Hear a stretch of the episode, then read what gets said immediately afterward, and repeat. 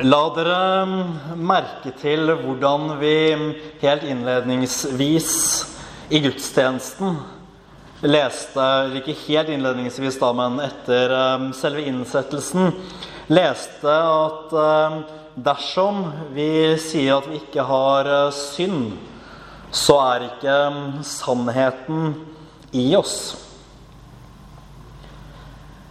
Det kan virke som at det er den store, moderne tanke. At vi har kommet dit hen at vi har ikke synd.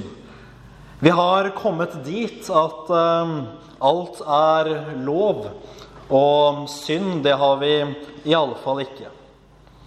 Og Jeg sa at det var moderne, men kanskje når vi leser teksten fra Johannesevangeliet, kan skimte blikk av at dette her er ikke så moderne likevel.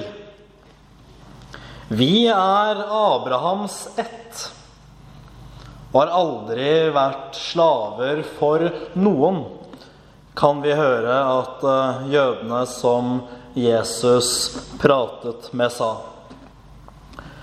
Og da er det jo først og fremst verdt å nevne denne absurditeten av at en jøde eller en gruppe med jøder sier at de aldri har vært slaver under noen. For eh, hvis man kjenner historien, og de aller fleste av oss kjenner nok den grunnleggende bibelhistorien, i alle fall med at jødene var slaver i Egypt. Og Videre så var også jødene slave under asyrerne, under eh, babylonerne, hvor de ikke bare var slaver, men hadde blitt bortført fra sitt eget land. Og mens denne samtalen finner sted, så er de okkupert av romerne. Vi er Abrahams ett og har aldri vært slaver under noen. Ja vel, sier du det? Men det det tyder på, er jo at disse jødene, mest sannsynlig fariseere som Jesus pratet med, de tenkte seg det at uh, det her var snakk om noe åndelig. Hver den som gjør synd, sier Jesus, er slave under synden. Da har det jo ingenting å si om det er kong, eh, kong, det og det eller keiser det og det som hersker over landet ditt. Ser du på deg selv som åndelig fri, som fariseerne og jødene nok mest sannsynlig gjorde, så hadde det ikke noe å si. De var jo Abrahams ett, og åndelig sett var de frie. Men er det nå engang sånn at man kan bare bestemme seg for at 'jeg er fri'?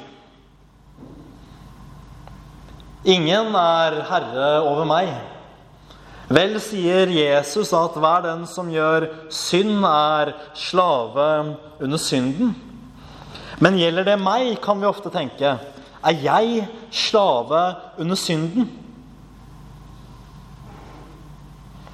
Og det er jo to ting man kan tenke seg. For det første at man ikke er en synder. Enten fordi man er så god at man aldri synder, eller fordi man har kommet dit at alt er lov og ingenting er galt. Moral, hva er vel det? Jeg gjør som jeg vil, det som er godt for meg selv. Og Det er en farlig vei å gå nedover, men den andre veien er kanskje like farlig. Man tenker at 'jeg kan tjene synden'. Unnskyld, eh, jeg mente det omvendt.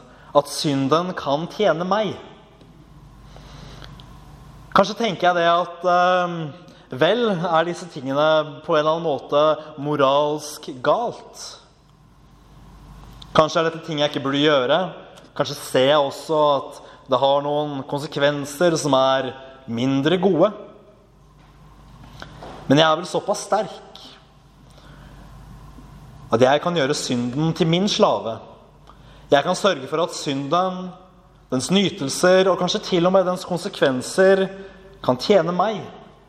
Kan tjene meg og mitt eget begjær og min egen framgang og min egen nytelse.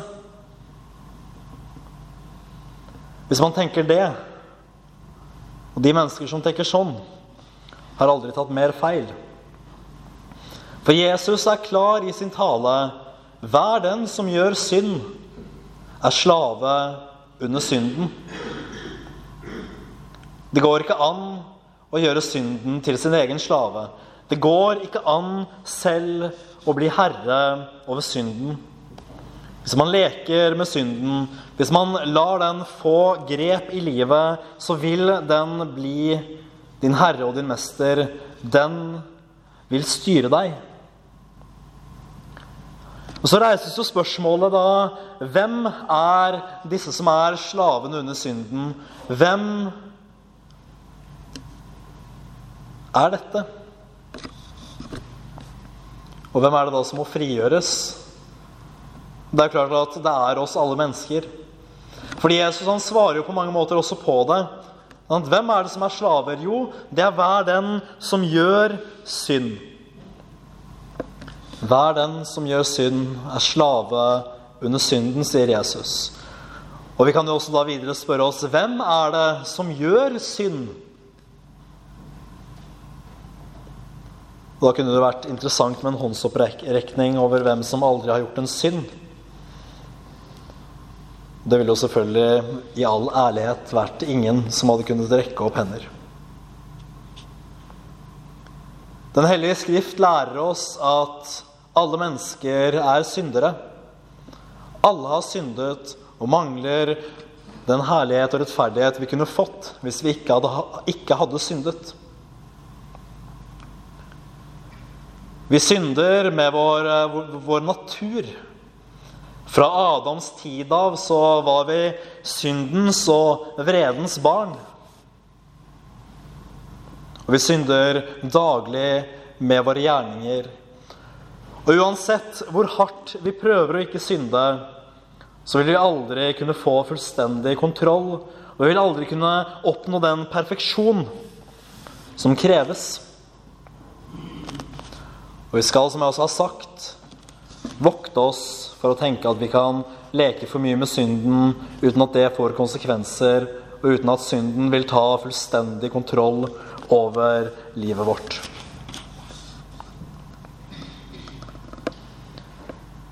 Men hva skal man da gjøre?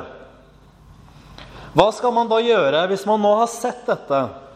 At synden er en så dyp og sterk kraft i ikke bare verden i dag, men også i oss selv. Og Jeg kan jo bare snakke for meg selv når jeg står her, men, for, for jeg kjenner jo ikke deres indre.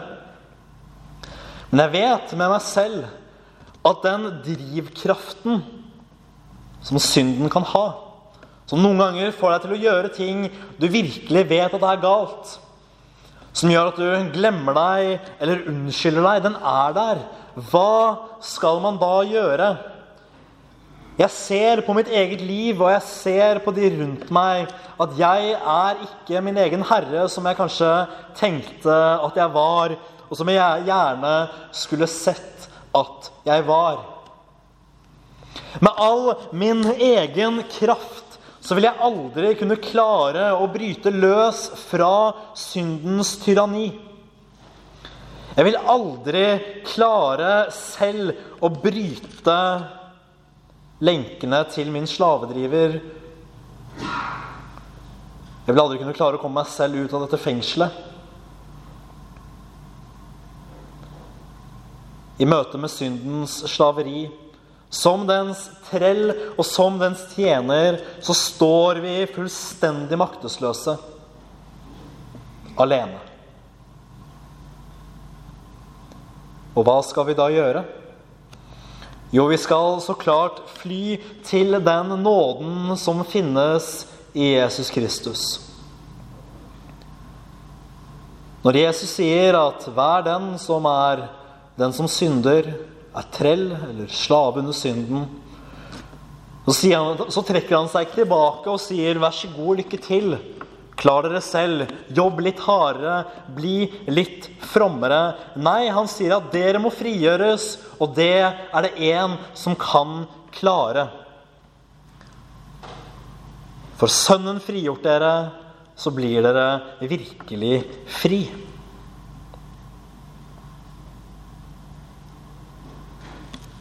For Det er jo det som er grunnlaget når vi må gi opp vårt eget strev. Når vi må gi opp og klare disse tingene selv fordi vi skjønner at uansett hvor mye jeg gjør eller ikke gjør, så klarer ikke jeg å oppnå den påkrevde helligheten. Jeg klarer ikke å bli perfekt, og Guds lov krever perfeksjon. Men jeg feiler, og jeg går dom og straff i vente. Men når man skjønner dette, det er da veien til Kristus står der som det lysende, vakre alternativ til selvrettferdighet, til strev og til slit for å selv komme seg løs.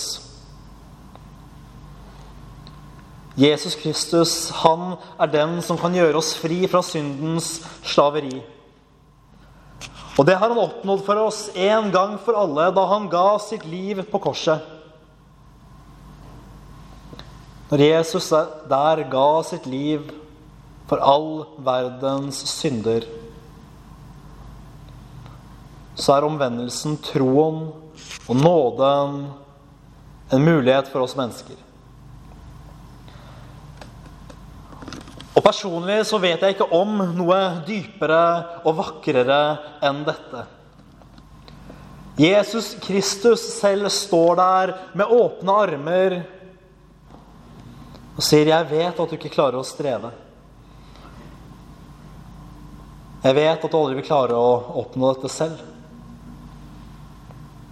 'Men jeg vil gi deg nåde.' 'Tro på meg, og du skal få syndenes forlatelse.' Og syndenes forlatelse er jo det dette handler om. Det er det som er evangeliet i en sum. Guds nåde mot syndere. Syndenes forlatelse for Jesu Kristi skyld.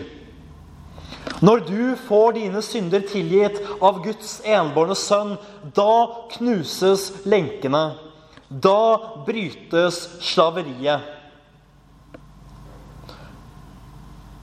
Når du ikke lenger er en fordømt synder, men når du er en tilgitt synder Når dine synder er vasket hvite i lammets blod, da er du ikke lenger en slave. Da har du gått over fra å være en slave under synden til å bli Guds eget elskede barn. Tenk på det. Og tenk hvor, hvor, et stort spenn det er mellom disse to tingene. Det er ikke sånn at syndens slave og Guds barn er et kort steg. Det er et stort steg. For det er så mye som skiller de to. Men for Jesu Kristi skyld får du bli et Guds barn når du får dine synder tilgitt. Dette er det største og beste som noen gang kunne bli gitt oss mennesker. At Gud elsket oss så høyt at for å sette oss fri fra syndens slaveri, så ville Han gi oss sin egen elskede sønn. Jesus Kristus, Guds eget ord.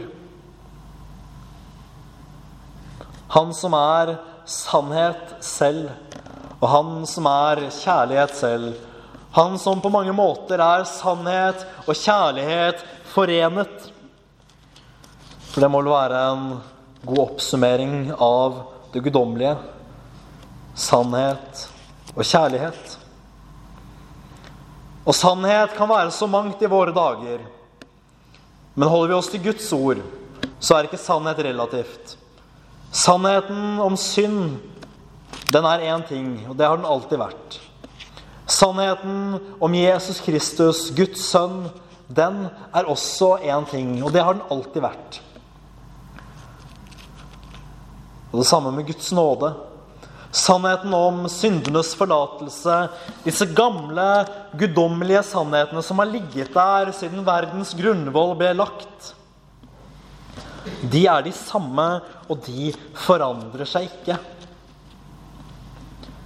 Man snakker jo så mye om i våre dager hvordan Guds ord har forandret seg, og hvordan Gud har forandret seg.